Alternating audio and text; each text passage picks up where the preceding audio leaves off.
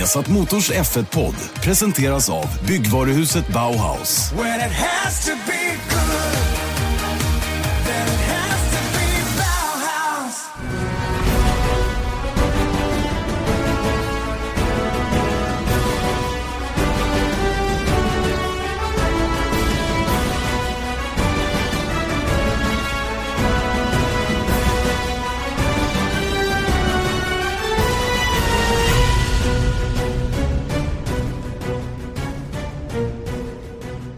Mycket varmt välkomna till Viasat Motors Formel 1-podd. Janne Blomqvist och Erik Stenborg mitt i lanseringshysterin. Ska vi kalla det det Erik? Mm. Eh, kanske, ja, hyster, ja, hyster, ja, hysteriskt är det kanske lite grann. Ja, de, de, de kommer tätt och, tätt och jämnt nu i alla fall. Det är ju alltid kul. Nu är det riktigt nära. Jag har nästan tappat bort mig liksom, i att, hur nära det är. Det var mindre än en vecka när vi spelar in det här. Jag har, in, jag har inte tappat bort mig kan jag säga. Nej, jag har inte heller tappat bort mig, men jag blir ändå så här överrumplad att shit, shit, för det är lite saker man ska göra också. Ja, ja, speciellt du som har varit borta så länge nu in, och liksom bara landar och sen sätter igång på en gång egentligen. Mm, exakt, så nu... Nej, men det var, det var så... Det var som någon sa, skrev idag, att det här med launch, launch just idag då, när vi spelar in där, tisdag, så är det som att vänta på bussen. Först kommer inget, sen kommer inget, sen kommer två. Mm. Exakt. Är det så, på, så är, är, det så med bussarna i Lagga? Om det kommer någon överhuvudtaget, ja. man vet aldrig så noga. Nej, men i, där jag bor så kommer de väldigt eh, bra och jämnt, liksom, tycker jag. Toppen, mm. toppen. Hur som haver, eh, nya bilar ja. Vi, vi börjar väl med det Erik, för det är ju ändå det som är, är på agendan just nu. Då. Vi har sett fem stycken utav fältets tio. Eh, uppvisade på ett eller annat sätt, inte alla i fysisk form. Det är så kallade renderingar eller så är det fotografier av en bil uppställd i någon hall som man fixar till i någon Photoshop eller så är det som Red Bull gjorde. De till och med körde bilen, eh, gjorde en så kallad shakedown då. Och eh, ja, det spelar egentligen ingen roll hur man gör det. Syftet är givet för alla. Man vill visa upp så här kommer våran bil att se ut säsongen 2018. Men frågan är vad det är man vill visa. Så lite som möjligt kan man väl konstatera. Så mycket som möjligt av så lite som möjligt. Mm. Alltså, kan man säga så? Ja, jag tror att faktiskt att det vi tittar på när vi ser de här fem bilarna, det är Haas, Williams, Renault, Sauber och Red Bull. Då. Red Bull i sitt test-livery, vilket är lite speciellt för de säger att de kommer med det, det riktiga färgschemat i, um, redan första testen i Barcelona. De har ju kört ja. sådana här testliveries tidigare, men då har de ju haft det, det under... Det var, det var väl en launch livery där som de skulle använda för den här filmdagen. För de tog en filmdag och körde på Silverstone och gjorde en shakedown med bilen. Mm. Och då togs det säkert en massa bilder, det filmades en hel del. Och uppenbart vill man ha det här utseendet just för det då. Mm.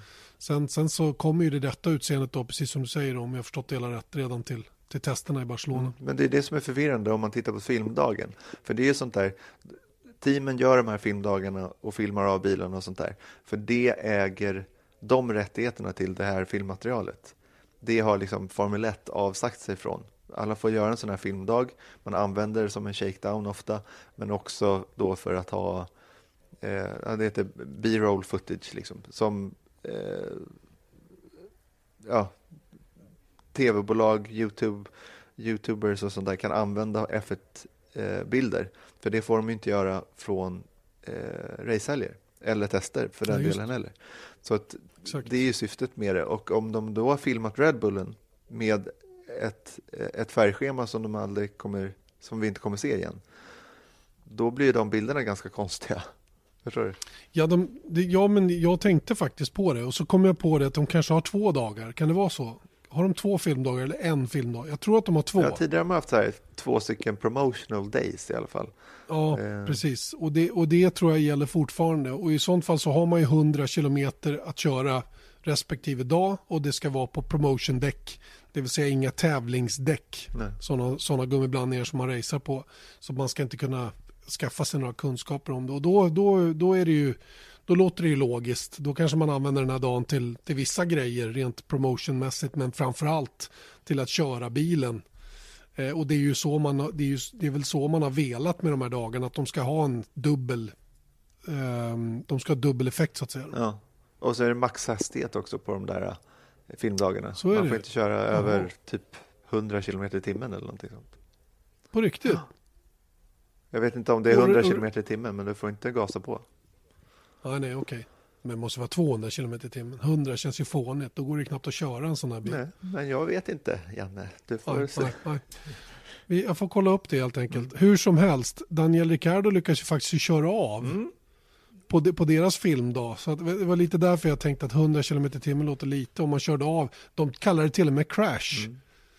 Jag vet inte. Small shunt läste jag också någonstans och eh, jag vet inte. Det var väl en, en de, han åkte väl av, halkade igenom någon broms, vet inte, det, avåkningszon och så slog i med framvingen lite i någon däcksbarriär där. De har tänka mig. totalt misslyckats med sin Arrow. Om den inte funkar. Eller så körde de så långsamt så att Arrow funkade inte. Så kan det vara. Så kan det absolut vara. Mm. Moment 22. Ja. Hönan eller ägget. Vi får se. än- Vi får se. Hur man än gör så man ändan där bak. Oavsett Erik, eh, när du har sett de här bilarna så vad, vad ser du? Vad ser du på bilderna? Jag ser färger. Vad kan du göra? Ja, Och så ser man ju sidepods. Det är lite där, dit ögonen eh, glider. För att jag tycker liksom framvingar och allting sånt där. Det är, så här, det är antagligen inte. Dels så kan jag inte säga så mycket om det. Så, ah, den ser konstig ut. Eller den ser... Man, man kanske... Man, det- det- det- liksom ögat letar efter någonting som sticker ut. Och när man inte är tillräckligt insatt i det. Och jag tror att, jag menar Gary Anderson, han var ju eh, före detta teknisk direktör då på, på um, Jordan. Och han är ju en expert på sånt här och, och liksom letar och gör de här analyserna för autosport. Jag menar, han gör ju de här analyserna, även han, med vetskapen om att det här är en begränsad syn, så att säga. Jag ser bara det som de är villiga att och, och, eh, visa. Jag menar, man, Mm de skulle aldrig visa en dubbel diffuser på en sån här bild. verkligen inte. Inte om någon hade hittat någon så här, ja men nu har vi kommit på någon speciallösning som ingen annan kommer att Ja men typ det som Ross Braun hade tagit fram då till, till 2009. Sen märker man ju också att tittar man på bilderna, Haas, Williams, väldigt mörkt. Eh, de drar ner ljuset på strategiska ställen. Eh, man målar mycket på bilen svart. Framförallt Williams-bilens nedre del av chassit var ju väldigt svart. I förhållande till hur det såg ut förra året när bilen var helt vit. Eh, golvet var visserligen svart men, men, men eh, och det är också sådana där maskeringsgrejer. Man kan ju hålla på och luras med det mesta när man, när man gör de här typen av visningar. Men samtidigt är ju en lansering av bilen oerhört viktig ur ett marketingperspektiv. Va? Man, man vill visa upp den, så här kommer den att se ut, utom Red Bull då förstås. Som vi redan vet hur den kommer att se ut.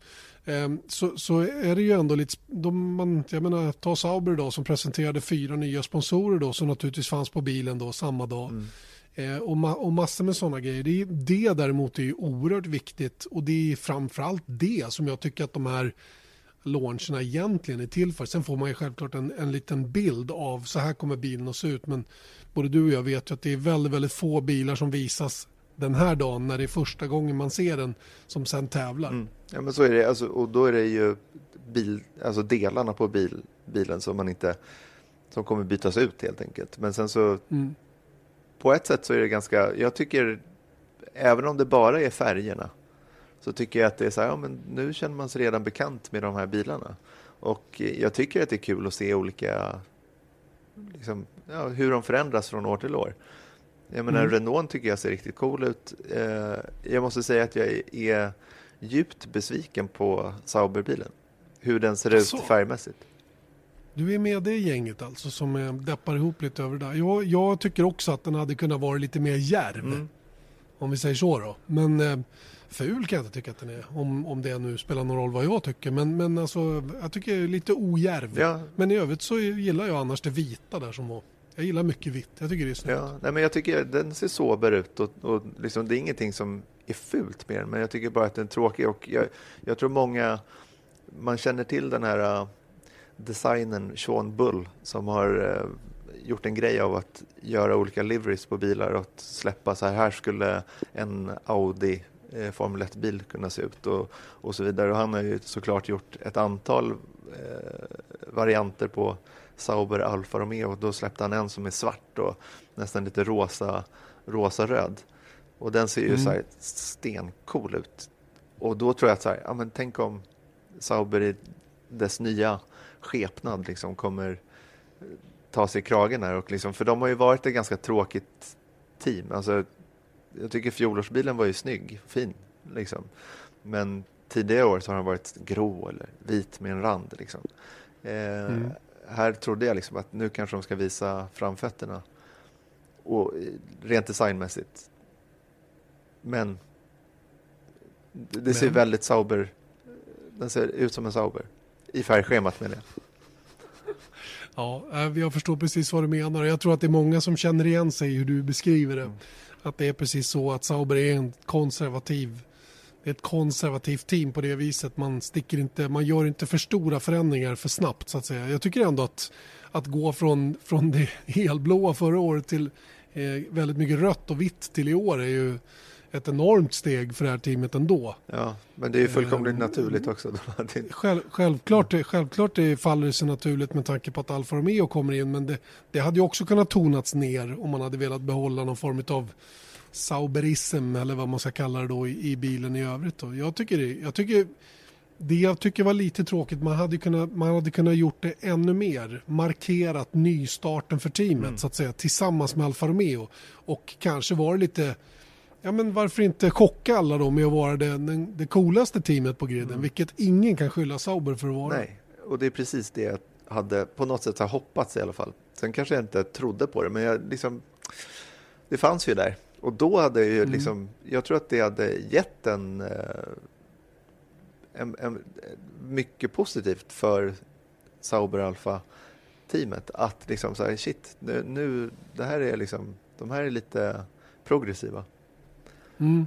Och det är precis vad det här teamet behöver också. De behöver ju få lite, lite positivism ifrån fansen så att säga. Va? Att, att um, krypa in på ett sätt som kanske Red Bull gjorde redan från start när de kom in i Formel 1 2005 och de, de liksom anammade fansen på ett väldigt skickligt och, och, bra sätt. Nu har ju de en, en kultur runt omkring sig om att jobba på det sättet med alla idrotter som de finns runt omkring och, och det, det, Sauber är ju något helt annat. Det har ju varit ett, ett hardcore eh, vad ska jag kalla det, bilåkarteam kort och gott. Mm. Med, med, bara det som fokus på något sätt. Och Peter Sauber stod ju för det korrekta och raka linjer och hela den grejen. Så att, eh, vi får väl se när de, om och när man lyckats eh, mjuka upp det där lite grann.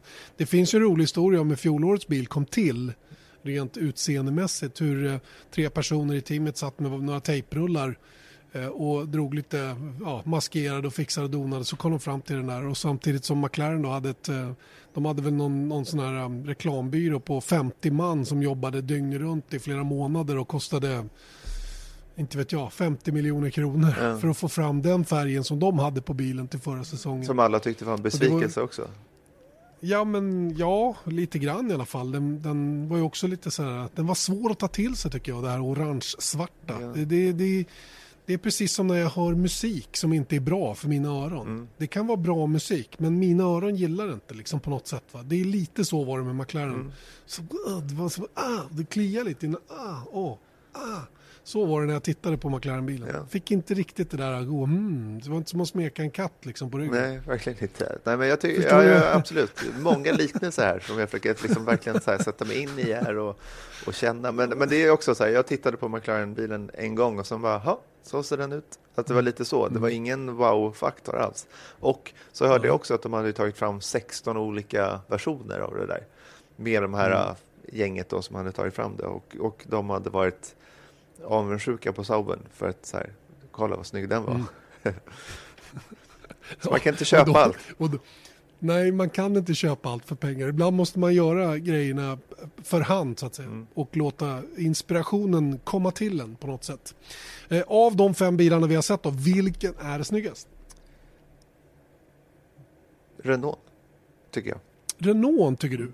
Clean. Renault var cool. Den var clean.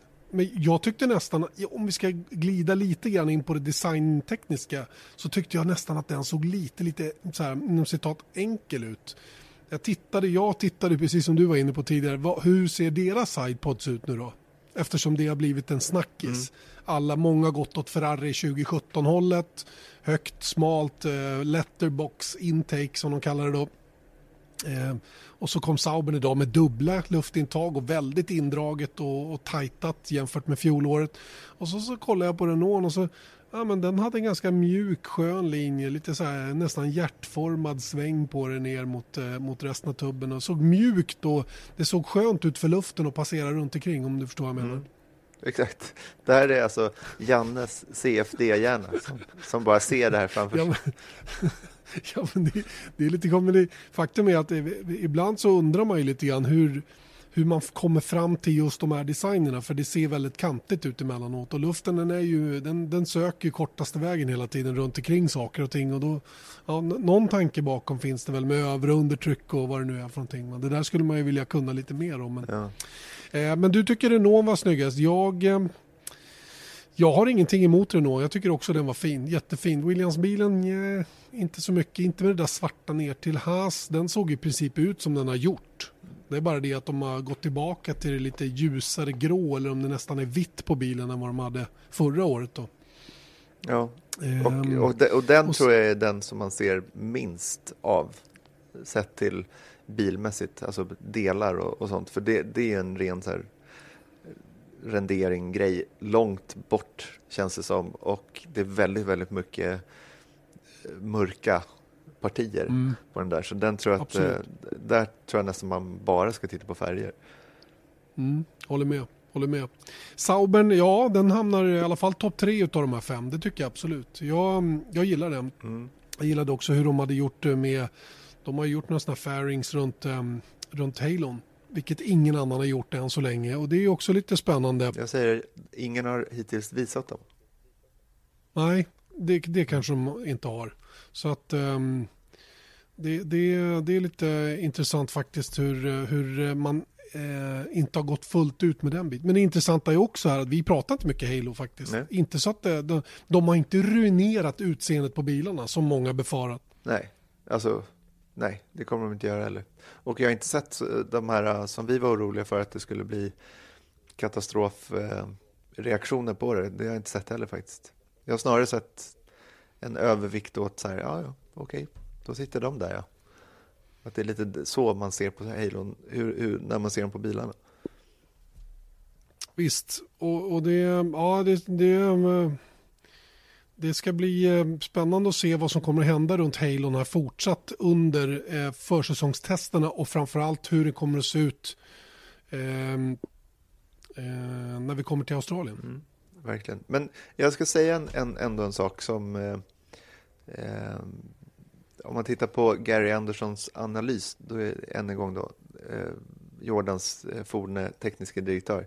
Han har gjort en analys av Red Bullen och det är ju den enda som vi har sett på en bana hittills i inspelningens stund. Och det han säger Eh, är att han inte ser någon wow-faktor. i Han ser ingenting på Saubern för när han ändå varit ute på bana, då kan man ju tänka sig att det finns i alla fall... Det, de har inte lika lätt att dölja saker och ting. Eftersom det är inte är en renderad bild på, i en studio där man har valt precis rätt vinkel. Utan det här är ändå filmgrejer och sånt där. Och sen så är det de själva som sköter om de filmgrejerna och sånt där. Så de väljer ju där också såklart. Men där tror jag att hans analys kanske är mer träffsäker än på en bild. Och då säger mm. han att det inte finns, han ser ingen wow-faktor. Den har alla nödvändiga delar, säger han. Ehm, men ingen som sticker ut. Och det är lite, om man tittar på fjolåret, att när man såg eh, Red Bulls bil då, när de släppte den, då var det ju samma sak. Att säga, okej, okay, den här ser väldigt basic ut. Oj, konstigt. Men det var ju då ryktena började komma igång att nej, men de kommer komma med en helt ny bil mm. till kanske andra testet eller till och med till Australien för att de har valt att göra på det här sättet. Ehm, men det hände ju inte, utan det var ju snarare så att bilen var väldigt basic när de launchade den och när de testade den i Barcelona och även i Australien och mm. så vidare. Ehm, så man är ju lite ja, orolig hade... att, att de har gått samma väg igen. Deras, eg deras egna uttalanden säger att de är aggressively late Mm. När det gäller uppdateringarna och det är ju precis så de jobbade förra året också. Sa att de skulle jobba förra året och har jobbat historiskt sett bakåt. Kommer väntar ända in i det sista med när man tar de nya delarna till banan. Man har varit väldigt trygg med att allt man har plockat fram hela tiden har funkat direkt när det kommer på bilen. Inte så mycket trial and error utan pang bom, bra korrelerat i vindtunnlar och CFD på bilen funkar, kör. Mm. Och det, det, har de ju kunnat vara trygga med så att säga. Va? Och det, det, var en grej jag faktiskt frågade eh, Marcus Erikssons ingenjör Julien om, om eh, det här med varför alla är så fruktansvärt sena med allting. Det känns ju inte som det är ont om tid mellan sista tävlingen till första testen. Det är många dagar. Mm. Känner ju vi som inte har sett någon Formel 1 på många dagar mm. och är jävligt trötta på att det inte händer något. Varför är det ändå så? Vi såg McLaren-dokumentären. McLaren fick knappt fram ett enda golv till första testen eh, inför 2017. Och, och då är det ju så här att det handlar ju om den här sena pushen aerodynamiskt med hur länge man vill hålla på och pilla på allting innan man producerar. Man vill inte slösa bort en enda sekund egentligen på banan under testerna på grejer som troligen inte kommer att köras. Och då, då gäller det verkligen att, att vänta ända in i det sista, vilket naturligtvis då får logistiska problem.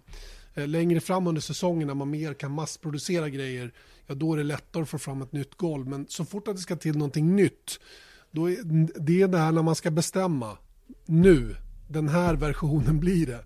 Det tror jag är ångestframkallande en masse för de här gubbarna. Mm. Ja men verkligen. Ja, men man blir förvånad varenda år. När man hör lite senare under säsongen att ah, shit, vi hade de här problemen och vi hade de här problemen. Och vi, ja, men du vet, vissa team kommer ju inte ens dit. Ibland. Nej. Alltså, Force India har gjort det några, några, gånger att de har testat fjolårsbilen. Och Sauber också gjorde det när det nu var. 15, 16 mm. någonting. Så körde Något de med fjolårsbilen. Mm. Eh, första, första testen. Mm. mm. Nej, det är, det är fascinerande. Alltså. Jag blir inte klok på det där. Alltså. Men det är någonstans eh, den där den där övertron på att den här extra dagen eller var extra timmarna eller vad det nu är. Och dessutom finns det en annan faktor som han berättade. Det är att mycket av grejerna tillverkas eh, inte in-house.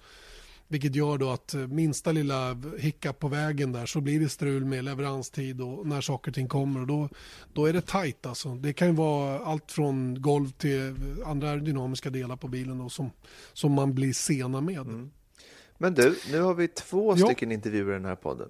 Dels oh. eh, en gammal F1-förare och en nuvarande F1-förare. Ska vi inte gå lite på, ta oss framåt Båda lite? är svenskar. Båda är svenskar. Båda är svenskar. Ni får gissa vilka det är. Mm. Nej men det är klart vi gör det. Eh, det är klart att vi gör det. Och eh, jag tycker vi börjar då med den nuvarande. Marcus Eriksson då som, som alltså idag sett sin bil som han ska tävla i under året för absolut första gången. Och eh, eh, vad har han för reaktioner egentligen? Vi tar och lyssnar till en intervju jag gjorde med honom tidigare idag. Jag fick tag i honom nere i Barcelona för de har nämligen filmdag imorgon med Sauberbilen. Jaha Marcus Eriksson, då var eh, nya Sauber C37 visad för, eh, för allmänheten också. Kanske för dig med i sin helhet. Jag vet inte, hur mycket har du sett av den innan? Ja, det är första gången jag ser den helt, eh, helt komplett. Jag har sett lite databilder eh, på den, så, så, att säga, simuleringen på hur den ska, kommer se ut. Då, men eh, första gången är liksom komplett med, med färger och, och, och allting ihopplockat. Då, så, så det var lite roligt. Ja, vad är första intrycken från din sida? För du vill ju ha en snabb bil, du skiter ju egentligen i resten, eller? Jo, men absolut, så är det eh, Nej, men eh, jag tycker den ser intressant ut. En del lösningar som jag tycker är lite innovativa. Jag tänker framför allt på runt sidepodsen där med eh, hur de har löst det och lyckats få sidepodsen att vara betydligt tajtare än vad vi hade förra året till exempel. Eh, så det finns en del, eh, en del saker på bilen som är eh, Eh, tycker jag, spännande och förhoppningsvis kan funka bra för våran del. Då. Nu, nu är det ju så, ingen vet ju hur snabb den är i förhållande till konkurrenterna, men hur går snacket? Vad säger era ingenjörer, vad säger Jörg Sander och de som, har, de som, har, de som ligger bakom den så att säga? Nej, men de säger att vi har tagit ett bra steg, eh, rätt så stort steg. Eh, både på bilsidan och sen såklart har vi tagit ett stort steg, steg på, på motorsidan. Eh, och, och det är jättepositivt. Problemet är som du säger, man vet ju inte hur stora steg de andra tar. Eh, men jag hoppas och tror väl att vi vi ska kunna ta ett lite större steg. Framförallt i och med att vi har just motorsidan där vi kan hitta mer än alla andra. Eh, men eh, det får väl framtiden utvisa. Men, men jag tycker ändå jag har ju märkt över vintern liksom att de har pushat på väldigt, väldigt hårt och lagt ner väldigt, väldigt uh, mycket tid och resurser på den här bilen. Så, så det känns som att det, det, finns potential i den. Men uh, som sagt, uh, det, det är upp till bevis när vi kommer till banan. Så är det. Så är det. Så vi kan egentligen lämna den diskussionen helt och hållet för varken du eller jag vet hur snabb den här bilen är men vi kan båda konstatera att den, den ser intressant ut i designen.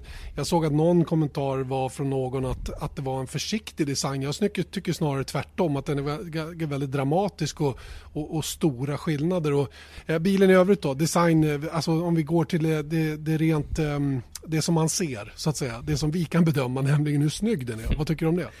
Nej, jag tycker den ser riktigt bra ut. Eh, jag gillar det, eh, det vita. Sen kan man diskutera hur, hur det röda skulle liksom matchas ihop med det vita och de blåa linesen. Och det går väl på en oändlig massa olika sätt. Men jag tycker överlag att den är jäkligt snygg. Och liksom hela eh, våran utstyrsel med, med vitt och rött och blå detaljer. Det tycker jag ser riktigt eh, snyggt och stilrent ut. Så mm. där får vi mm, väl, väl godkänt tycker jag. Och sen eh, en annan sak som jag upplever nu när man ser vad som, vad som har levererats idag. Eh, det känns som att det här teamet har, har tagit kliv även på, på PR-sidan så att säga. Eh, en snygg välproducerad YouTube-film som presenterar er och den nya bilen och ja men överlag fyra nya sponsorer har presenterats under dagen idag. Det händer grejer, det är en nystart för Sauber, håller du med? 100 procent. Det, det, är full satsning i Sauber och eh, jag tycker vi har, vi har märkt över, eh, över sista halvåret framför allt och att det har hänt mycket grejer. Och, och sen nu över vintern så har det jobbat stenhårt på alla eh, olika delar av teamet och, och det ser vi ju liksom frukt av nu med eh, just den nya bilen men som du säger också nya sponsorer som har kommit in och blivit bekräftade idag. Eh, och eh, vi har lagt ner ja, det är en helt annan satsning på hur vi vill presentera oss också. Då. Eh, så, så, det är ju en, ja, jag märker en väldigt, väldigt stor skillnad mot de andra åren jag har varit här. Eh, och, och, det är ju överlag väldigt, väldigt positivt. Eh, och sen då, apropå att presentera sig själv, eh, några ord om din hjälm och utseendet på den då, för det var första gången jag såg den idag också. Den, den, har, den är lite retro känns det som. Ja, men precis. Jag ville gå till en mer retro-designad hjälm och fick inspiration av den här killen Sean Bull som har blivit rätt poppis på, på Instagram och, och så vidare och gör mycket alternativa designer på bilar och hjälmar och allt möjligt. Så. Och eh, har väl följt lite hans arbete, eller hans, vad han har lagt upp då. Eh, till slut här i vinter så tänkte jag nej, jag tar kontakt till honom och kollar ifall han skulle vara intresserad av att, att hjälpa mig att ta fram någon, någon cool design på min hjälm. Då. Och han var ju helt taggad på det och, och, tog fram en design som jag sa att jag ville ha en retro-look och, och, och, och, även helst ha en inspiration från Ronnie Pettersson men samtidigt ha kvar min liksom, grunddesign som jag alltid haft i alla år. Då. Och därifrån så jobbade han fram den här designen som jag, jag har i år då. Och det är ju en eh, väldigt clean, eh, retro eh, design. Men även har mycket inslag av Ronnie Petterssons design. Eh, även mm, ja, med, med färgerna tycker jag att det, det blev en jäkligt cool hjälm faktiskt. Jag är jättenöjd. Mm. Verkligen och den kommer vi få se mycket av. Kanske inte lika tydligt nu då med den här vita halon som kommer att omringa huvudet då på bilen. Men som jag ändå tyckte blev eh, hyfsat integrerad på bilen ändå jämfört med ab vad vi har sett på andra. Absolut, och sen är det lite intressant att vi har lite detaljer där på halon som förhoppningsvis kan, eh, kan, kan hjälpa oss också då med eh, kanske lite extra downforce. Mm. Vi får se hur det kommer att gå. Kul Marcus. Vem kör bilen först? Jag kör dag ett. Nu vet jag inte om de har gått ut med det officiellt, men nu, nu får du höra det i alla fall. så, så, dag ett, du, sitter, du premiärkör den alltså. Och den är uppstartad och motorn fungerar som den ska och alla de där bitarna. Ja, exakt. De kör för fullt nu och försöker få i ordning på allting. Så har vi en, en filmdag faktiskt imorgon här på, på Barcelona som vi ska göra en så kallad shakedown och, och, och filma allting. Så det kommer ske redan imorgon då. Hur det kommer att gå under testerna det får ni reda på eh, på vesasport.se för eh, självklart så är vi på plats och följer varje dag utav försäsongstesterna och då får vi prata mer med Marcus också. Jättekul med den nya bilen i alla fall och eh, lycka till du både med filmdag och första testdagen på måndag sen. Tack så hemskt mycket. Ja, Marcus Eriksson där alltså som eh, tycker jag lät eh, glad och positiv. Vad annars kan han låta i och för sig. Men eh, som vi påtalade i intervjun, det går ju inte att veta hur bra grejerna är. Men eh, so far so good, kan man säga så? Mm. Men också det då att ändå att det finns någonting som är speciellt med den här bilen om man jämför med fjolåret. Den var ju mm. super basic. De hade ju du vet, de här vingelementen på framvingarna. Du vet, det, det, liksom, de var inte där. Den ja. såg inte snabb ut. Den såg inte avancerad ut. Nu kanske inte... Som sagt, än en gång, man kan inte säga om det här är en toppenbil eller inte. Det, det går inte. Men däremot så eh, ambitionen ser man. Verkligen, och det är ju lite som Gary Anderson som redan har hunnit titta på Sauberbilen säger att förra året hade de en, en helt okej okay bil som, som hade brist på eh, grepp i bak eh, under testerna framför allt. Sen blev den ganska hyggligt balanserad mot slutet av året men den saknade generell downforce vilket gjorde den lite för långsam totalt sett vilket också gjorde att den inte jobbade däcken på rätt sätt och det här är ju områden naturligtvis som man har jobbat stenhårt med på att försöka rätta till då till, till årets version. Men det är också som Marcus påpekar där, de har ju möjligheten att ta det största hoppet för det är ju inte bara bilen som blir bättre. De får ju även motorn då som alla andra haft ett år redan och hänger med de övriga med den senaste evolutionen på motor och då kommer ju den delen att läggas uppe på det faktum att man även förbättrar bilen. Så att med en väldig massa tur och eh, lite nedförsbacke och, och solsken och allt vad det nu är så, så låt, låt säga att de kanske kan hitta några tiondelar till då, jämfört med konkurrenterna. Mm. Man får verkligen hoppas, men det bygger på att de har gått rätt också. För mm. det är, Absolut. De kan också gått åt att nej, de här bargeboardsen som är eh, tydligen då avancerade, de som sitter precis framför luftintaget eh, på sidepodsen då, då, nej, det, det var skräp. Ja, det, det, mm. det, är ju, jag menar felmarginalen här är ju enorma. Ja, och det var lite oroande förra året tycker jag att Aero-gänget hade lite svårt. Korreleringen mellan vad man såg i vindtunneln och det som hände på banan var inte hundra. Och man hoppas att de ligger närmare sanningen nu redan där så att säga då, så att man inte hamnar i det här eh, läget som man, som man gjorde stora delar av fjolåret. Det som är positivt tycker jag ändå det var att man mot slutet av året hittade rätt. Mm. Och då kanske man lyckades justera till de där siffrorna så att man verkligen får rätt värden. Då, så att säga. Jag vet ju inte exakt hur sånt här fungerar men, men eh, ja, jag lever på hoppet. Ja. Och en ny svensk hjälm har han också släppt idag som den, den var designad av den här Sean Bull som vi nämnde tidigare. Just, eh, just vad tycker vi om den? Super, super retro. Verkligen, den är ju väldigt basic, inga djupa färger, det är platt gul, platt blå. Eh, även en liten eh, Ronnie Pettersson-hyllning ehm, kan man väl säga med de två strecken ner till runt eh, ja, nederdelen på hjälmen så att säga. Jag tycker, det, jag tycker den, ja, den, den, den uppfyller sin funktion mm. utseendemässigt. Jag... Det, man ser ju så lite av den i normalfall och det, jag är helt säker på att det kommer att se jättebra ut när de väl kör med den också. Mm. Jag gillar den skarpt i alla fall. Mm, mm, det var bra. Sean Bull där är rolig. Det var Marcus själv som tog kontakt med honom faktiskt. Och hela historien runt omkring det här kan ni läsa på Marcus Instagram. Han har redogjort för hela den där eh, hur det gick till och varför han valde som han gjorde då när det gäller utseendet på hjälmen till i år. Jag tyckte jag kände igen en sponsor också på den. Mm, tycker jag. Bra. Vi är samma team nu. Eller hur? Bauhaus. Nu ska vi, nu ska vi bygga hus. Ja, exakt. Ja, men det är bra. Får, Marcus får snickra. Mm. Eh, det om detta. Eh, Ferrari kommer ju, ehm, eh, som, som vi sa, då, med den senaste versionen på motor. Då. För det är många som frågar det fortfarande. Men det är alltså den senaste versionen på motor som även Sauber får till säsongen 2018. Och eh, det här är ju viktigt, jätte, jätteviktigt. Men eh, de är kanske inte riktigt där de hade velat vara Ferrari med den här motorn till i år. Vad sa du nu? Nu klippte det lite här på vår långa väg över Atlanten. Jo, jag sa det att det, Ferrari kanske ändå inte riktigt är där de vill vara med den här nya motorn. De har ju lite nya grejer på gång, men inte till säsongstart. Ja, och då, för de gick ut i veckan med oss att de kommer starta säsongen med en evolution av fjolårsmotorn med modellnummer 063, om man vill veta. Eh, mm. Och anledningen som de själva säger är att såklart då för att de vill främst få den här motorn att hålla. Kom ihåg, det är bara tre hela motorer under hela säsongen 2018. Fjolåret fick man köra fyra motorpaket, i år bara tre. Så att det är klart att börjar motorerna rasa, ja, då är man illa ute. Då lägger man krokben för sig själv direkt. Så det är, mm. det är därför de säger att de har, har bestämt sig för att eh, Eh, liksom vidareutveckla fjolårsmotorn det är en ny motor i år såklart, men det, det är mycket, mångt och mycket baserat på fjolårsmotorn. Spänn, det är spännande det där och det, det gäller ju att röra sig med små rörelser här när man ska förändra saker. Uh, if it ain't broken, don't fix it finns det någonting som heter och det stämmer ju rätt så väl här. Och hur mycket vågar man pilla på motoravdelningen för att inte uppröra ett fungerande koncept.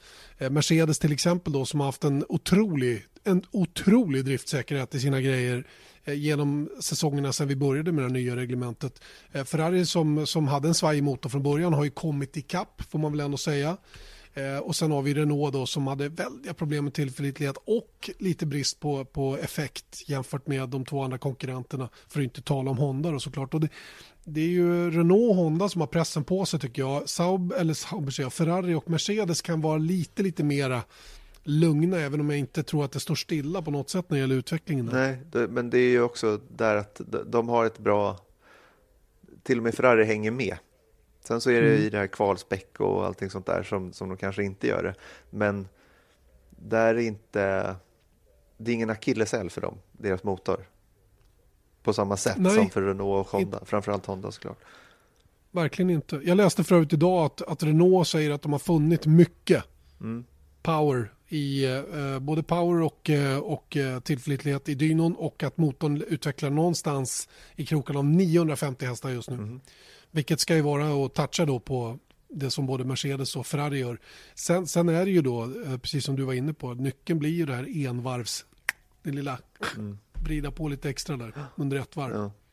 Men eh, ja, och Ferrari hade ju lite tillförlitlighetsproblem också.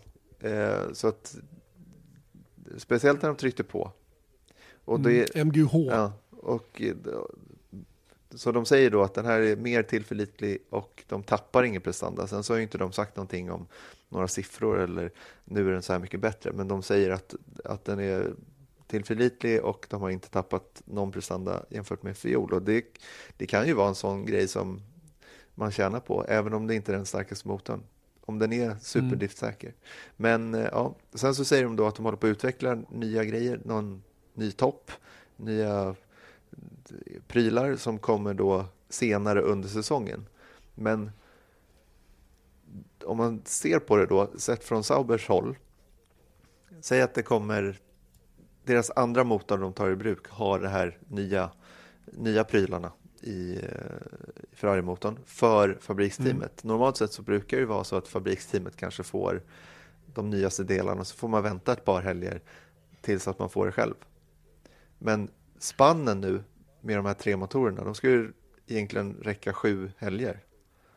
Sju helger. Jag räknade just nu, hur långt kommer vi då på 14 race? När är det läge att ta den där nyutvecklade? För det är ju de sista sju då, känner jag. Mm. Ja, Ferrari jag kanske gör det tidigt. Du vet, runt Kanada eller någonting sånt. Mm. Potentiellt sett, alltså vi, om vi bara tittar på timelinen. För de kan ju... Så de, de kör alltså två av tre i den nya versionen och enbart den första då i den gamla versionen. Så skulle det kunna ja, vara. Så skulle det kunna vara. Eh, Haas och Haas Sauber de, de gör tvärtom. De kör två, två äldre versioner och sen avslutar de säsongen med den nya. Mm. Det tror jag bara är bra för deras del. Men vet du vad? Jag tänker också, kundteam brukar ju få det, det senaste efter huvudteamet som vi sa. Men om man jobbar för Haas så kanske det är så. Man får inte glömma alfakopplingen här och det här är lite Marchiones eh, baby ju. Så det skulle kunna vara så sett till Saubers tävlan med Haas. För det kommer de ju vara, mm. i varje fall på förhand så ligger de i samma kategori. Då kanske det är någonting som Marchione ser till att Sauber får fort. Mm. Varför inte? Om det nu går att påverka på det sättet i något boardroom. Det kanske är andra, andra, andra saker som, som kommer att, att styra eh, de här bitarna. Det får, får, man se hur man ligger till i de här sekvenserna med motorer. Eh, lite orolig är man väl att det ska bli en upprepning av fjolåret när det gäller eh, att det blir massa bestraffningar och sådana grejer. För det, det känns ju som att folk är hyggligt trötta på just den biten. Låt, låt dem få köra om det. Liksom. Men vi, vi har ju också påtalat det många gånger att det finns ju inget annat bra sätt att hålla tillbaka kostnadsutvecklingen än det som man har idag. Så att det får vi väl leva med en säsong till. Och det här är ju ingenting som, som teamen som kommer som någon överraskning. Där har man jobbat på i säkert ett och ett halvt år, två år mm. på att bygga en motor eh, till 2018 som ska klara tre helger. Så det, det, det är inte, jag är inte, jag är inte jätteorolig, men det är klart det, det finns en risk. Mm. Så gör det. Eh, och sen eh, det här med Lorenzo Sassi då som jobbade med eh, nya koncept på Ferrari-motorn då med aluminium och stålpistonger och allt vad det var där. Han, han, han gick ju från Ferrari när han inte fick ordning på det där och var hamnade han då? Mm. Ja, just det. Mercedes. Mercedes. Och han var alltså Ferraris forne mo- motorchef. Han, det var under sommaren som han gick då. Och sen, sen, dess har han varit på gardening-liv och nu är han i tjänst hos Mercedes.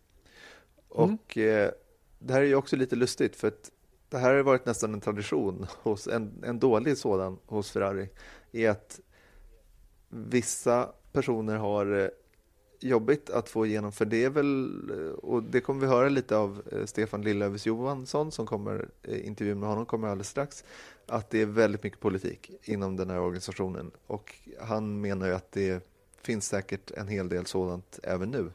Och det har ju funnits, om vi tittar på Aldo Costa, som var, vad var han egentligen på, hos Ferrari? Han var ju deras eh, tech, technical director, var han inte Jo, det? jag tror att han var. Från allra första början. Sen så var det ju någon annan emellan innan då James Allison och han är ju också hos Mercedes Ja. nu. Så att, ja. Och de, poängen här är att de har haft det jobbigt i, i Ferrari. De, när de inte har liksom presterat på topp av olika anledningar så har de fått sparken eller gått själva för att det är antagligen rätt eh, stökigt att vara hos Ferrari. Och sen så har de gått till Mercedes och där har de haft det toppen. Och Mm. levererat. Så att eh, det där är lite oroande. Det är bara att konstatera att när Ferrari har varit anglofierat så har det gått väldigt, väldigt bra. Mm. Ryan Reynolds here from Mint Mobile. With the price of just about everything going up during inflation, we thought we'd bring our prices down. So to help us, we brought in a reverse auctioneer, which is apparently a thing. Mint Mobile unlimited premium wireless. Ready to get 30, 30, bit to get 30, bit to get 20, 20, 20, bit to get 20, 20, bit to get 15, 15, 15, 15 just 15 bucks a month. So, Give it a try at mintmobile.com slash switch. $45 upfront for three months plus taxes and fees. Promo rate for new customers for limited time. Unlimited more than 40 gigabytes per month. Slows. Full terms at mintmobile.com. När de har varit italifierat så har det gått mindre bra. Eh, och det, ja, det har ingenting med om man är italienare eller engelsman att göra. Det handlar mer om, om kulturen totalt sett när man jobbar tillsammans och hur managementstruktur och sådana saker ser ut. Men jag tror att eh, när, när Ross Braun och det här gänget styrde där, då, då gick det bra. Rory Byrne, som man ändå får kalla ang anglofil, eller men sydafrikan. Så, så är det liksom, jag tror att de hade lättare att få saker och ting att fungera på den tiden då. Kraftsamlade gjorde man tydligare då. Det, ja, vi får se vad det där kommer att få för, för eh, påverkan på saker och ting här. Men eh, du, apropå Ferrari, ska vi inte ta och sätta oss igen? Jo, det tycker jag. Det är en fantastiskt bra idé. So let's go for a ride in a V12. Så Stefan, sitter i din Ferrari. Känns som en bra, bra studio för eh, att spela in en podcast, eller hur? Exakt, absolut. Jag har lite V12 bakgrundsljus. Det är det man vill ha. Men du, vi pratade med eh, Felix för några veckor sedan. En lång intervju. Du är hans manager. Men då slår det mig så här, vad är en manager inom motorsport? Vad gör man liksom? Ja, det är en bra fråga.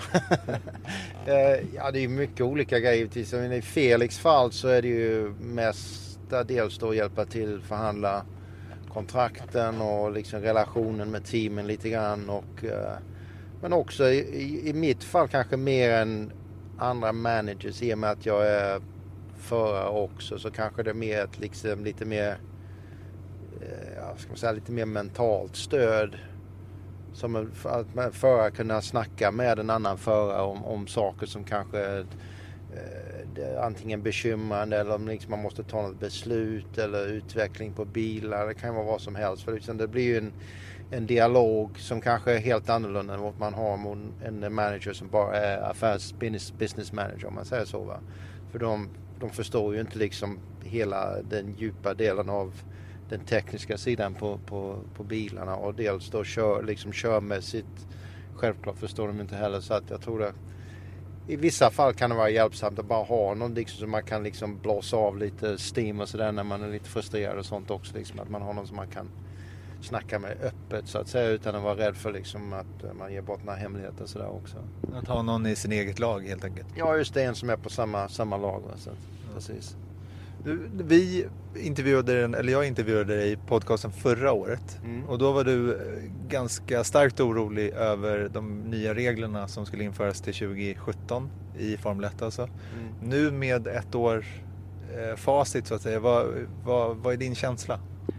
Ja, det är väl ungefär det allt jag var, jag var rädd för kan man väl säga. Va? Det, liksom, det är rätt så självklart egentligen. Va? Det kunde man ju listat ut innan. Det var de flesta som liksom, eh, liksom följer Formel 1 på, på sådana här håll som jag gör då till exempel. Så det är inte svårt att räkna ut att bilar som har mycket mer downforce och mycket mer att racingen kommer att bli ännu värre än vad det var innan. Va? Det var ju precis det som hände. Va?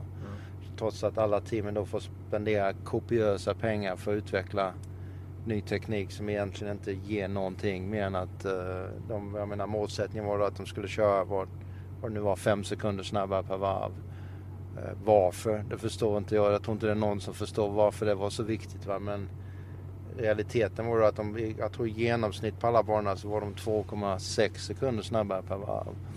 Och de har spenderat då eh, hundratals, hundratals, hundratals miljoner dollar för att göra bilarna 2,6 sekunder snabbare per varv helt enkelt. Samtidigt så tror jag att det var de där fem sekunderna var från 20 det var inte jämfört med 2016 utan var 2015. Mm. Så jag tror att de var ganska nära de där uh, fem sekunderna och de slog i varvrekord och allting sånt där. Mm. Så det var ganska spektakulärt att se dem, i varje fall när man såg dem med egna ögat tycker jag, hur, hur de gick. Mm. Eller? Jo visst ja, men det, det är ju spektakulärt att se en bil gå fort i mitten på svängarna. Va? Men i, i, jag menar det stora hela att det gör, vad det gör i slutändan det att det förstör racingen. För broms, bromssträckorna blir ännu kortare än vad de var tidigare. Toppfarten blir sämre än vad den var lägre, alltså långsammare än vad den var tidigare. Så att det gör ju att, jag menar de flesta omkörningar sker ju under inbromsningarna. Om, om, och minimerar ju, jag menar jag vet inte vad statistiken är men det var ju klart mindre omkörningar förra året än det var nå- något tidigare år. va. Så att, um, ja, slutändan var det ju, jag menar, som jag var rädd att det skulle bli i alla fall. Man får se vad som händer. Det kommer ju liksom förändringar Mm. eh, allt eftersom och framförallt till där reglementesändringen 2021 då. Men vad har du på för förväntningar för 2018? Om man ser det så här bortsett från hur du ser på racingen och säga. Men om man, låt oss börja med Sauber. Vad tror du om dem? Jag tror det kommer bli mycket bättre, mycket, mycket bättre i år. Jag tror dels att självklart genom stödet de får från Ferrari nu med, med årets motor och säkert också alltså rent tekniskt stöd.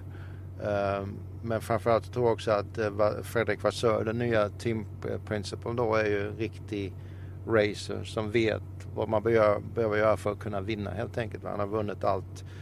Han har varit inblandad i sin karriär tidigare. Va? Han är kompromisslös och stentuff. Va? Och det tror jag är precis vad som behövs i ett team. Va? Liksom att du måste ha en ledare som dels förstår racing in, in och ut så att säga. Va? Och det är ju uppenbart att det var ingen tidigare som gjorde det på Sauber de senaste åren i alla fall. Och, eh, så jag tror det kommer bli ett jättekliv för Sauber. Jag tror det kanske blir det teamet som får största klivet till i år och eh, också McLaren tror jag kommer att bli mycket bättre. Men jag tror hela griden kommer också att tajtas upp mer så att gapet till Mercedes kommer att bli mindre. Och jag tror det finns stora chanser att både, både Ferrari och även Red Bull kan säkert sno lite segrar från Mercedes mer än vad de har gjort tidigare eh, under året också. Så jag tror hela, allting kommer att bli lite tajtare. Men jag tror racingen kommer inte att bli förbättrad utan det blir samma liksom för problemet med sådana här high downforce bilar som, som de är nu, alltså kommer du inom två, tre billängder eh, bakom en bil då har du ingen fram, framända längre utan det bara liksom allting förstörs på framvingen så då är det bara får du sitta där och vänta helt enkelt. Nu har de ju DRS givetvis och det hjälper ju lite grann men trots det så är det ju, det såg vi redan förra året att det blir, det blir svårt att köra om i alla fall. va. Är det någonting annat som du kommer hålla ögonen på? Du sa, nämnde McLaren, men liksom är det någon... Tror du att någon annan kan utmana de här topptrion? Mercedes, Ferrari, Red Bull? Ah, inte på, inte på ett eh, alltså, kontinuerligt tror jag inte det går. Men däremot så, jag menar McLaren tror jag kan, jag menar eh, deras chassi var ju, det, det visade sig redan förra året var ju där uppe där de andra toppteamen var. Men eh, som, om Renault-motorn är tillräckligt stark så tror jag de kan vinna race också i år. Det tror jag. Eh, men, eh, men annars tror jag inte det kommer bli några jätteöverraskningar. Det tror jag inte. Det vore ju väldigt kul för McLaren om, om, om det lossnade för en gångs skull. Liksom. Mm. Felix eh, Rosenqvist då har uttryckt att liksom, när vi, än en gång när vi pratade om med honom för några veckor sedan så uttryckte han ändå att drömmen om Formel 1 lever. Vad, Mm. vad tror du om den drömmen? Ja, alltså självklart drömmen ska man ju aldrig, den ska ju aldrig försvinna. Va? Självklart är hans dröm att köra Formel 1. Va? Det är ju alla förares dröm. Va? Så att, eh, eh, och jag menar, man vet ju aldrig va? men jag menar chanserna blir ju mindre och mindre varje år som går givetvis. Va? För de har ju, alltså problemet med Formel 1 är ju också att det är ju någon slags obsession med åldern hela tiden. Va? Nu, nu tror ju alla teamchefer att man måste vara 18 år eller yngre för man ska kunna köra Formel 1-bilar. Det är ju rena skämtet. Va? För jag, menar, jag tror fortfarande att topp, alltså peak är ungefär runt 30 för en Formel 1-förare. 30-32 någonting. Va?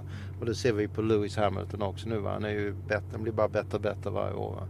Så att eh, jag, jag har ju inget tvekan om att Felix skulle göra ett kanonjobb om man körde Formel 1. Va? Det är jag helt övertygad om. Uh, men att, jag menar, var finns öppningarna? Va? Liksom, har du inget finansiellt stöd så är det, är det ju tufft, det vet vi redan. Va? Så att, uh...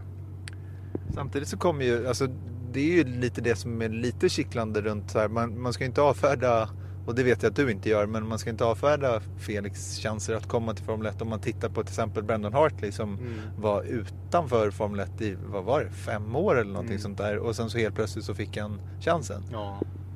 Ja, det var ju en, en fantastisk grej alltså. Eh, Och kul för Brendan är ju en jätteduktig förare också. Va? Att, att han fick chansen en gång till, va? det var ju helt fantastiskt. Men jag tror det berodde också mycket på att han redan hade ett förhållande som han inte förstörde med Red Bull. Utan liksom han accepterade att de droppade honom då tidigare. Va? Men höll fortfarande liksom eh, sitt huvud högt så att säga. Va? Och liksom jobbade på liksom va? och gjorde det han gjorde under tiden va? och skapade ett bra rykte för sig själv i dels då som testförare i Formel 1 och, och sen då givetvis i WEC där han gjorde ett fantastiskt jobb. Va? jag tror Mark Webb eh, kanske hjälpte till mycket där också va? för han var ju stallkompis med honom va? i WEC och har ju självklart stort inflytande på Red Bull fortfarande. Ja, Och han var ju fortfarande kvar i Red Bull-familjen på något sätt som jag Mm. Exakt. förstår också. Men en grej som jag aldrig hört dig berätta om, och det här kanske blir en lång historia men du får, du får välja, men det är, det är, du körde ändå för Ferrari och McLaren. Det är ju de kanske de mest, eller de är de två mest ikoniska märkena i Formel 1. Hur Mm. gick det till egentligen och, och eh, hur var det? Jo, ja, vi kan börja med Ferrari eftersom de var först. Det gick, ja, alltså det började med när jag körde Egentligen började det 83 när jag körde Spirit Honda. eh, Då när, de, när Honda kom tillbaka. Va? Så jag menar alla visste ju vad det var för bil liksom och så här, va. Men jag gjorde ju några rätt så bra lopp då i alla fall. Va? Och då började Ferrari visa lite intresse. Va? Det teamchefen brukade komma förbi och snacka lite sådär. Va? Och, Vem var så, eh, Dario Calzavari hette han då. Och, eh, och, så vi hade liksom skapat någon slags litet förhållande i alla fall där vi liksom höll lite kommunikation då och då. Va? Och sen 84 när jag körde för Torman då, när jag var stallkompis med Ayrton Senna. Så eh, sista racet på året då när, när Niki Lauda Prost slogs som VM-titeln. Så låg Senna trea, jag låg fyra och Niki var femma. Och han var tvungen att komma fyra eller bättre för att vinna titeln. Och han kunde inte komma förbi. Vi låg och slogs hela loppet ungefär. Sen fick jag en punka på eh, framdäcket så jag var tvungen att stanna då. Och då kom han förbi. Men då tydligen i alla fall var det så att uh, Enzo Ferrari satt och tittade på loppet då liksom och tyckte, ja det, det tyckte han ju var häftigt. Så då ringde de efter det och sa ja vi är intresserade och liksom och så här. Men då hade jag redan ett kontrakt med Torman för följande år. Och, eh, men vi hade i alla fall lite dialog sådär. Vi skulle gärna om du kan komma och testa under vintern i alla fall. Även om du kör för Tolman och sådär.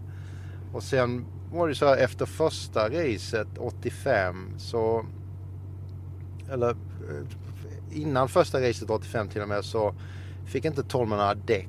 Det var någon politisk grej med Pirelli där vad det var för någonting. Så vi, jag, kunde, jag körde inte första loppet då. va. Utan jag körde för Tyrrell istället och hoppade in i som här sista minuten i Brasilien när Stefan Belloff hade, jag vet inte, han, de hade någon disput av något slag. Va? Så då bad Ken att jag skulle köra så jag råkade ha, råkade ha hjälmen med mig bara. Det är också ett, ett superklassiskt eh, team. Alltså Ken Ja, Tyrrell precis. och Tyrrell team. Så jag körde ju några race för Ty- Tyrrell året innan också då i 84. Men i alla fall då så efter det racet så fick ju Arnoux sparken av någon anledning. Och då ringde de för Ferrari direkt liksom och frågade om, om kan du, kan du liksom, eller Marco Piccinini som var eh, stallchefen då var i London. Så jag, och jag bodde i London då. Så, kan du komma till Hotel Savoy i eftermiddag? Ja, okej då. Så jag kom dit då. Ja, i alla fall så ja, vi vill, vi, kan, du, kan du köra för oss resten av året? Alltså, ja, men jag har kontraktet med Tolman. Då ringde Alex Hawkridge då, som var chefen på Tolman och berättade liksom att eh, jag har fått ett erbjudande från Ferrari då, som liksom, ja det kan du gå, liksom, jag kan inte stoppa dig från det liksom. Utan det är din, eh, det, är din stora chans liksom. Alltså, han, släppte mig, han släppte mig från det kontraktet jag hade då med dem. Och nästa dag flög jag ner till Italien. Så det här hände liksom på typ två, tre dagar alltihopa. Jag flög ner till Italien, träffade eh, Enzo Ferrari då på kvällen, sent på kvällen. På on- detta var onsdagen. Och sen på torsdagen så fick jag köra typ fem, kanske tio varv runt Fiorano eh, I en shake och en, en reservbil de hade och sen på flyget till Portugal samma dag och körde racet den helgen sen efter det. Så det hände liksom bom, bom, bom så här skitsnabbt bara på några dagar. Va? Men hur var det? För var inte du en av de eh, sista förarna som blev personligt signad av Enzo Ferrari? Jag tror jag var den sista kanske till och med. Ja, jag tror det. Jag tror att jag har Ja, hört att det, det var ja. just, att det var den sista. Ja. Hur, hur, hur var... Hur var hela den liksom upplevelsen? Alltså för mig så låter det helt sinnessjukt att få en sån chans. Ja, det är museet. Alltså, hela mitt liv har ju varit likadant. Liksom. Antingen är det svält eller är det liksom frossa. Liksom. Det finns ingenting mitt- emellan verkar det som. Men eh, i alla fall, jo, det var en fantastisk upplevelse självklart. Liksom. Och just att vara där när ens affär var vid liv. Och vi spenderade ju mycket, mycket tid tillsammans. Va? Många middagar på kvällarna och, och käkade lunch nästan varje dag med honom när vi testade på Fiorano då. Va? Och då testade vi ju hela tiden. Alltså det var ju varenda dag i flera veckor ibland liksom. Va? Bara malde runt den här jävla testbanan där ute. Va? Så att, eh, och det var ju kul för det var ju liksom roliga stories hela tiden. Va? Han berättade om sin barndom och allt, allt liksom så här. Va? Så det var ju, och så fick ju Piccinini översätta hela tiden för jag kunde inte prata så mycket italienska då. Va? Så han fick sköta översättning hela tiden. Han var ju, hade bra sinne för humor också så han drev ju med Piccinini hela tiden så här liksom. Så att det var, det var jättekul. Nej, Det är helt otroligt. Men liksom, jag kan inte ens föreställa mig liksom känslan som svensk för- för F1-förare och sen så bara sitter man med och käkar lunch med Enzo Ferrari. Ja. Nej, men det är ju lite surreellt. Va? Men då, när man är mitt inne i det liksom, då tänker man inte på det lika mycket så. Men när man tänker tillbaka nu så var det ju en helt otrolig upplevelse givetvis. Det är ju liksom, jag menar, det är ju alla pojkars dröm att köra racerbil. Alla racerförares dröm att köra för Ferrari. Och alla liksom, som är intresserade av bilars dröm är att träffa Enzo Ferrari. Så jag menar, det är en fantastisk livsupplevelse det här. Som, som nu börjar man fatta lite mer kanske vad det, hur, hur fantastiskt det egentligen var. Va? Men sen har du ju flippsidan på det med Ferrari då liksom all politik, inbördespolitik inom teamet. Va? Det var ju likadant då eller kanske ännu värre då än vad det är nu. Va? För jag menar det var ju liksom, liksom skämtet var ju hela tiden att man, om du skaffar en vän så skaffar du två fiender liksom. Va? Så det var hela tiden liksom fram och tillbaka. Va? Och, så det var, det var ju tufft samtidigt va? men det var ju en helt otrolig upplevelse. Och du höll på att vinna på Imola, var det va? Hur, hur, hur var det? Ja. Alltså det var ju det var ju mitt andra lopp för dem. Va? Så det hade ju kanske ändrat allting om jag hade vunnit det loppet som jag skulle ha gjort. Va? Liksom, vi planerade innan då liksom visste precis vad som hände. Alltså bilen var ju snabb som fan hela tiden på träningen också. Va? Var snabbast på fria träningen på lördagmorgonen. Och sen till kvalet då liksom så kvalade 15 bara. Va? Och det var, fick vi, såg vi efteråt då att hela golvet, alltså underboarden då på bilen, hade inte varit eh, inskruvad ordentligt så det satt löst. Va? Så du vet aerodynamiken var ju över hela kartan liksom. Det var, bilen var liksom, det gick inte att kontrollera någonting utan det var liksom understyrt en gång och sen överstyrt nästa liksom så här, över hela kartan om man säger. Va? Så, men vi fixade det då och sen på warm-up så var vi snabbare igen. Va? Och sen under racet, jag visste att bilen skulle vara snabb under loppet. Va? Och då var det mycket, på den tiden var det mycket att liksom tajma bensinförbrukningen riktigt rätt. Va? Och vi hade vårt, liksom, vårt, vårt nummer då på instrumentbrädan som man alltid har. Va? Jag följde det där numret exakt perfekt varenda varv. Liksom aldrig över, aldrig under utan låg precis perfekt. Så jag visste att jag skulle ha tillräckligt med soppa kvar. Och sen liksom började, då märkte jag att jag började plocka in mer och mer på allihop de som låg framför. Liksom tog, plockade en efter den andra. Och de började hänga ut skylten och mer boost och så här liksom för jag skulle köra foten eh, lugnt. Liksom. Jag, vet, jag har koll på det här liksom. Jag vet att jag kommer att ta dem på slutet i alla fall. Va? Och jag tror det var ett, två varv kvar, då tog jag post för ledningen. Va? Och sen nästa varv så fick jag soppatorsk. Och det visade sig efteråt då att det var en spricka. En liten, liten spricka i aluminium. Det här är manifold till turbointaget, eh, eller luftintaget. Va? Som gjorde att det hade pumpat in, i och med att det pumpade in luft genom den här sprickan så pumpade eh, motorn in mer bensin då för matcha eh, alltså, eh, den mixture som var då satt. Va? Så hade det inte varit för det så hade vi garanterat vunnit. Jag, tror liksom, jag menar, för min synpunkt sett så körde jag ett perfekt race den dagen. För liksom, jag gjorde allt jag skulle göra för att liksom vinna loppet. Va? Men då blev det inte så. Men i alla fall så. Men det var ju fler. Jag menar det var ju tre, fyra lopp jag skulle egentligen vunnit det året. Va? Mm.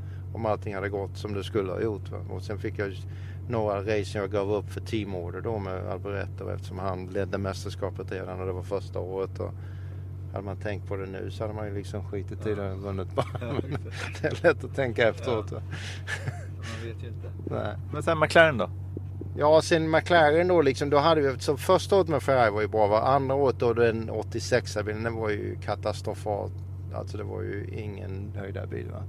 Och då var det liksom politiken var på högsta nivån va? och det var massa eh, skiftningar inom teamet och sådär. Och då hade jag redan, jag menar jag kände ju Ron Dennis jävligt väl sen tidigare också. Va? Men efter jag körde för honom i Formel 3 då, jag vann eftermästerskapet i England. När han hade Project 4 då. Va? Så vi all, hade alltid haft ett rätt bra förhållande.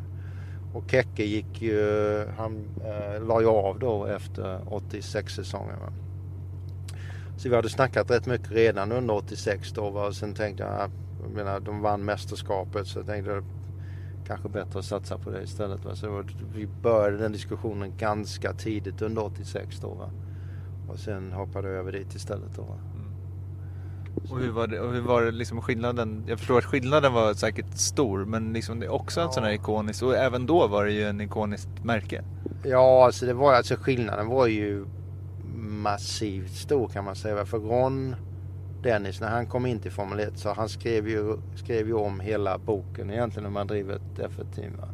Allting liksom, han, allting flyttades ju upp tio nivåer och det fick ju alla team göra då för att hänga med liksom.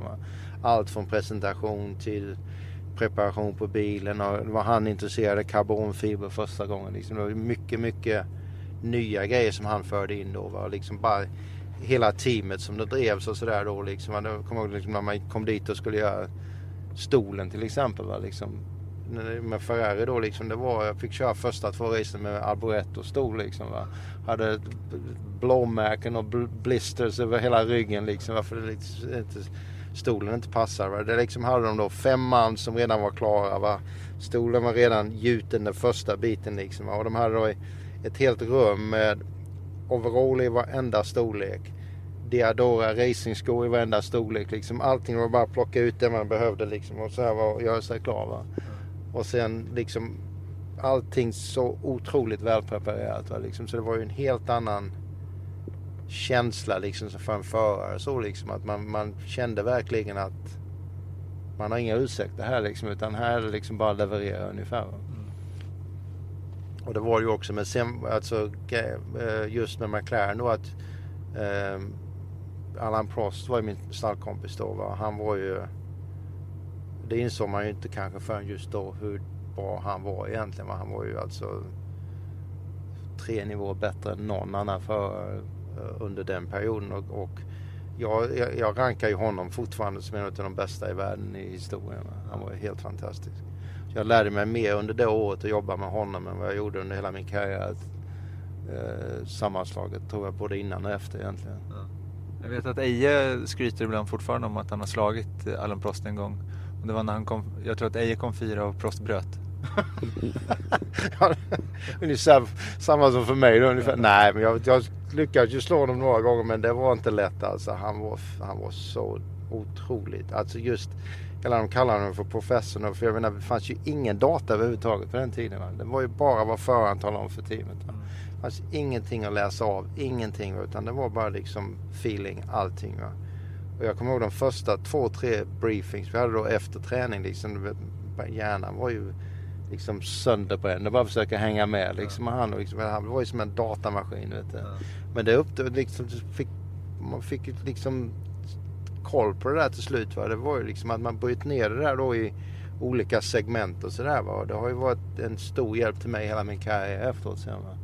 Han var ju helt, helt fantastisk. Va? Mm. Det finns jättemycket att prata om. Vi borde ta en, en hel uh, Lillövers uh, timme men vi går vidare och säger så här att vi har Liberty Media som har tagit över ägandeskapet för över ett år sedan. Vad är dina liksom spontana känslor runt deras övertagande? Alltså rent spontant första intrycket tror jag att deras timing var inte bra. För jag tror det priset de betalade jämfört med vad, de kommer, vad återbäringen kommer bli på det här tror jag blir svårt att ge valuta för deras uh, shareholders. Det tror jag. För jag menar om du tittar nu alltså re revenue sjunker, kostnaderna ökar.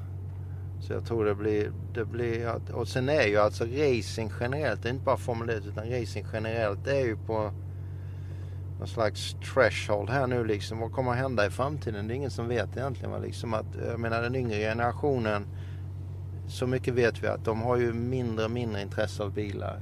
Alltså generellt, inte bara racing utan bilar allmänt. Så jag tror det blir svårt. Jag tror det blir svårt för all racing, om man ska vara ärlig, framåt. För att liksom se hur det ska bli större och bättre än vad det är nu. Mm. Egentligen. Jag tror det kommer att bli mer specialiserat. Det kommer att bli mer någon slags hybrid mellan spel och racing och jag vet inte hur det där kommer att utvecklas riktigt men jag tror inte det. Jag tror det blir svårt för Formel 1 och en, någon form av racing att få ökat intresse. Utan det blir liksom, det, de fans som redan finns de är ju kvar va? men uh, jag tror det blir jävligt svårt att bygga på nya fans. Om jag ska vara ärlig. Om man tittar lite kortare sikt eller rent nu då. Hur, hur, anser du att Formel 1 mår här i USA? Och jag frågar för att eftersom Liberty själva har pekat ut USA som en så här nyckelmarknad. Att, och de pratar om att det ska vara ett race i Miami, kanske någon annanstans och New York är uppe på tapeten igen. Hur, hur mår F1?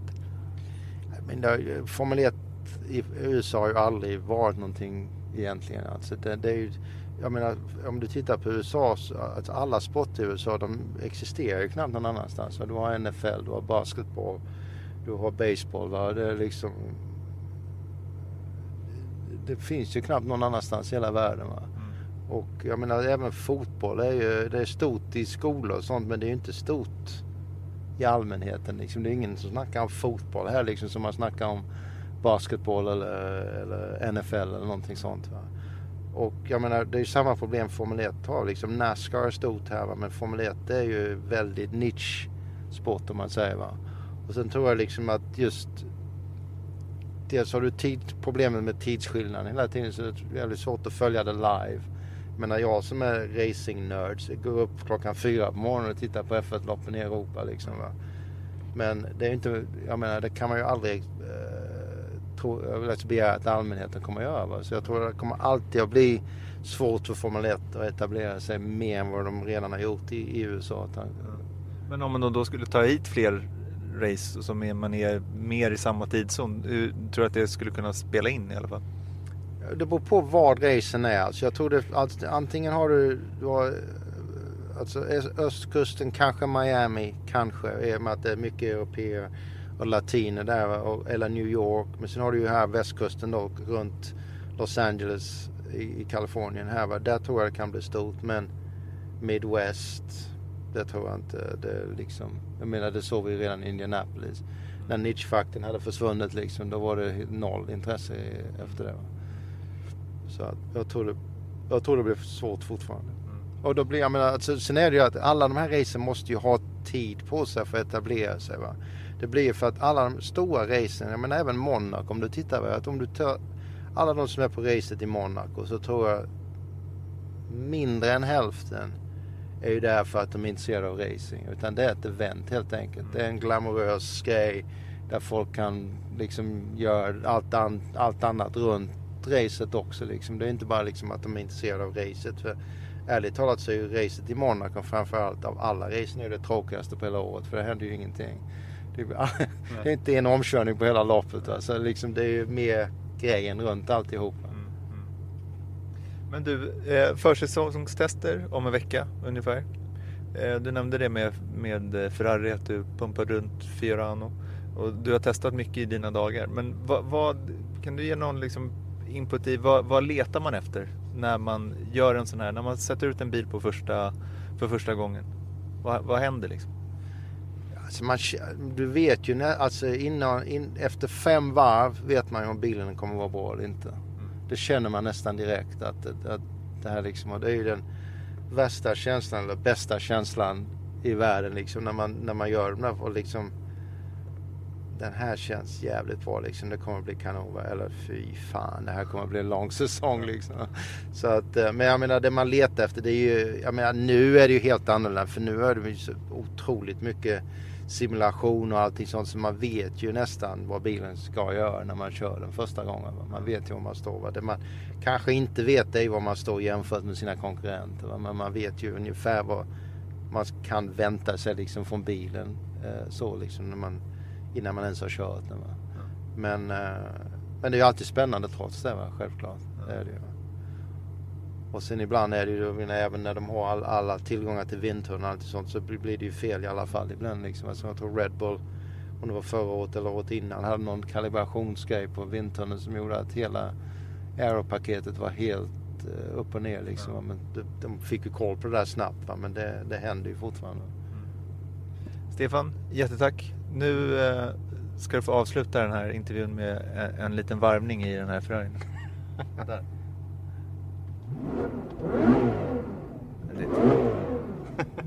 Perfekt. Tack ska du ha.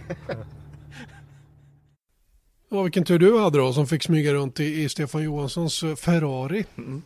Och vi skulle käka lunch också. Så, och sen så första stället vi provade eh, var lite fullt och så åkte vi till nästa. Och så, så jag fick lite åktur i Ferrarin faktiskt. Så det var härligt.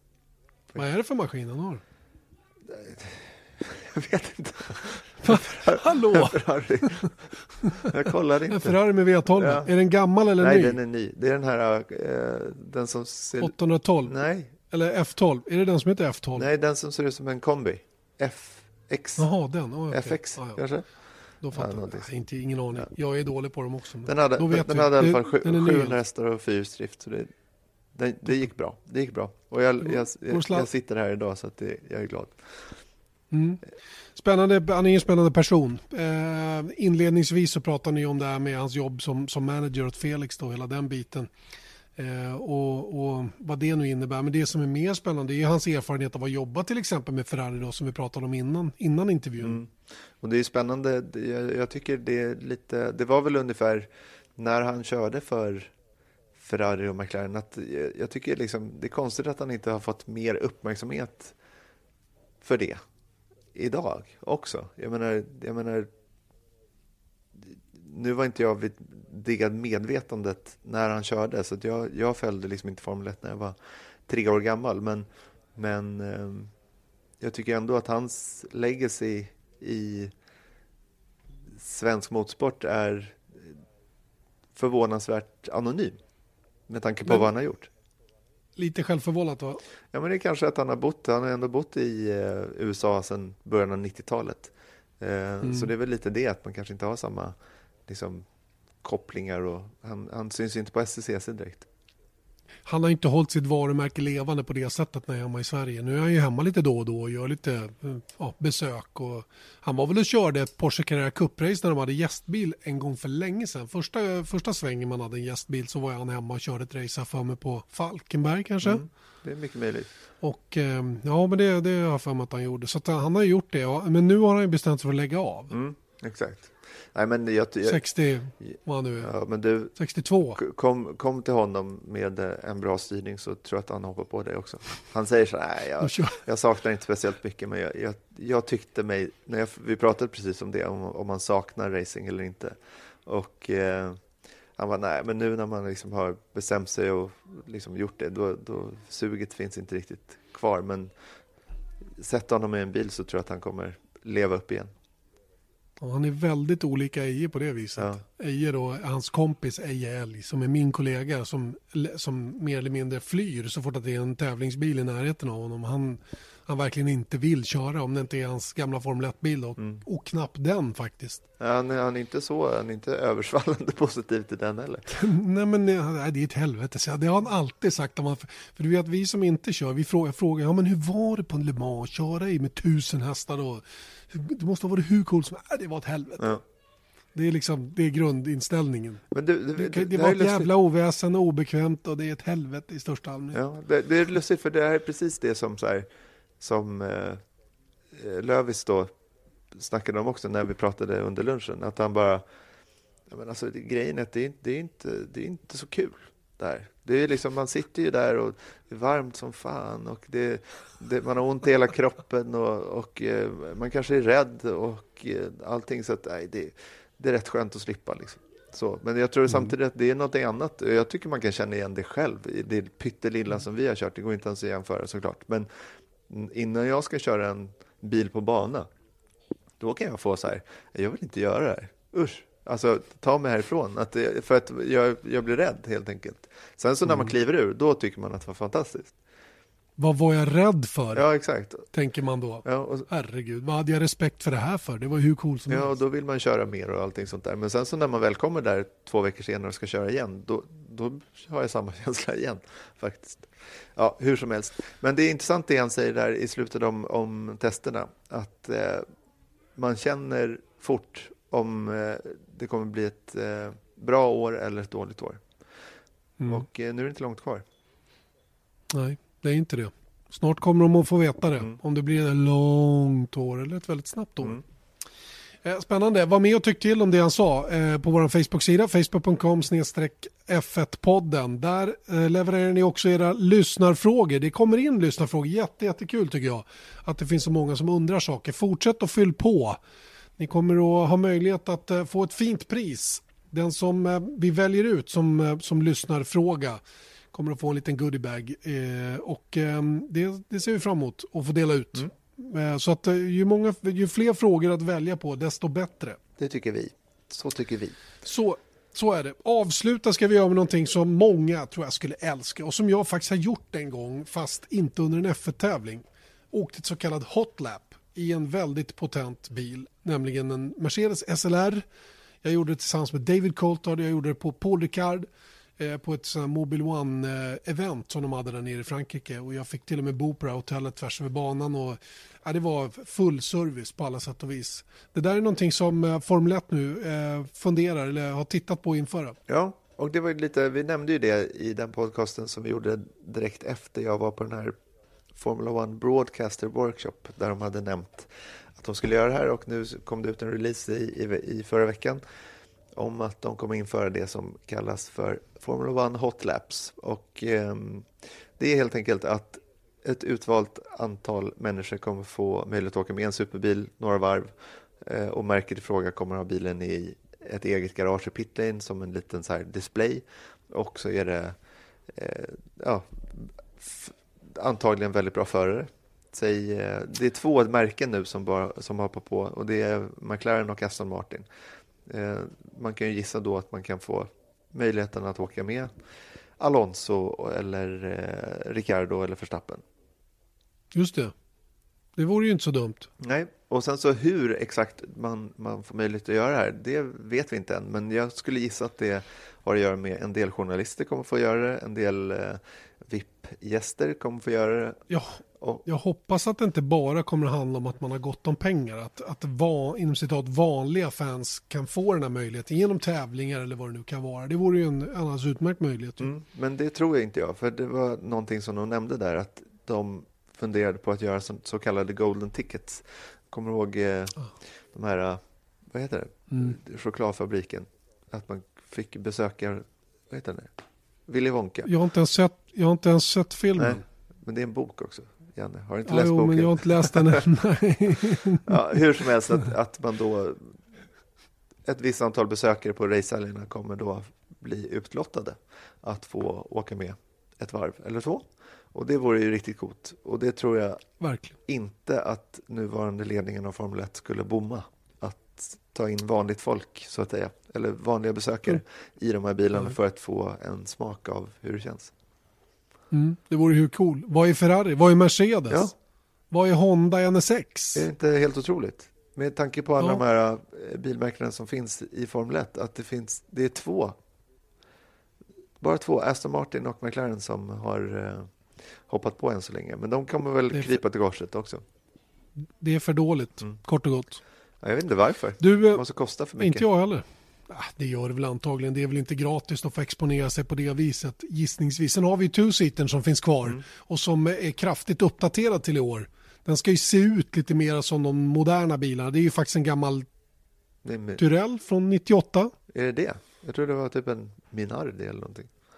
Nej, det är det faktiskt inte. Jag trodde också det. Men Paul Stoddart köpte de gamla Tyrell-bilarna från 98 som han styckade med sina European-motorer. Ja. Som väl var Mekakrom egentligen, V10. Herregud, de är 20 år att, gamla. Borde de Ja, uppdatera ja visst, det. de är skitgamla. Alltså, men eh, då han tog in Mike Gascon, gamla Renault-gubben och Toyota, eh, designer och, och teknisk direktör, som, som har gjort en eh, kraftig uppfräschning av de här bilarna som kommer att se betydligt mer moderna ut när de rullar ut i år eh, på banorna då och skjutsar eh, den som har råd eller eh, som blir inbjuden, vad det nu blir för någonting. Du vet vad jag håller på med va? Nej. Nej. Ja, jo, du håller på att försöka få en plats i en sån. Mm. Inte till mig själv. Till dig själv Nej, eller? nej. Det skulle inte tittarna mig. vilja se. Ja, någon. till mig. Jag, jag tror inte att AJL skulle vara intresserad. Ja, men i det nya kom jag ner så. Jag frågade, jo, jag var Patrik Friesacker är ju en österrikare som kör den ena av dem. Det är ju han och Zolt Baumgartner som kör. Zolt, båda de här två körde ju faktiskt Formel 1.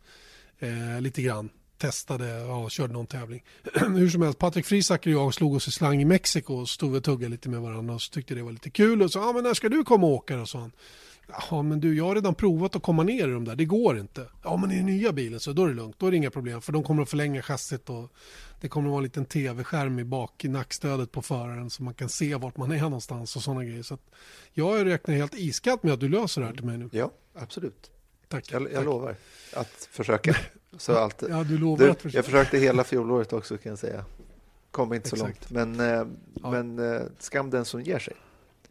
Exakt. Men nu ger Det vi oss. Nu ger vi oss. Nästa gång ni hör oss, då är det faktiskt den ena av oss i alla fall i Barcelona på F1-tester. Och då ska vi förhoppningsvis ha en massa godis att bjuda på. Eh, lite mera konkreta grejer inom nya bilarna och sådana saker. Det ser i alla fall jag fram emot oerhört mycket. Erik kommer till den andra veckan så det är inte så jättesynd om honom heller faktiskt.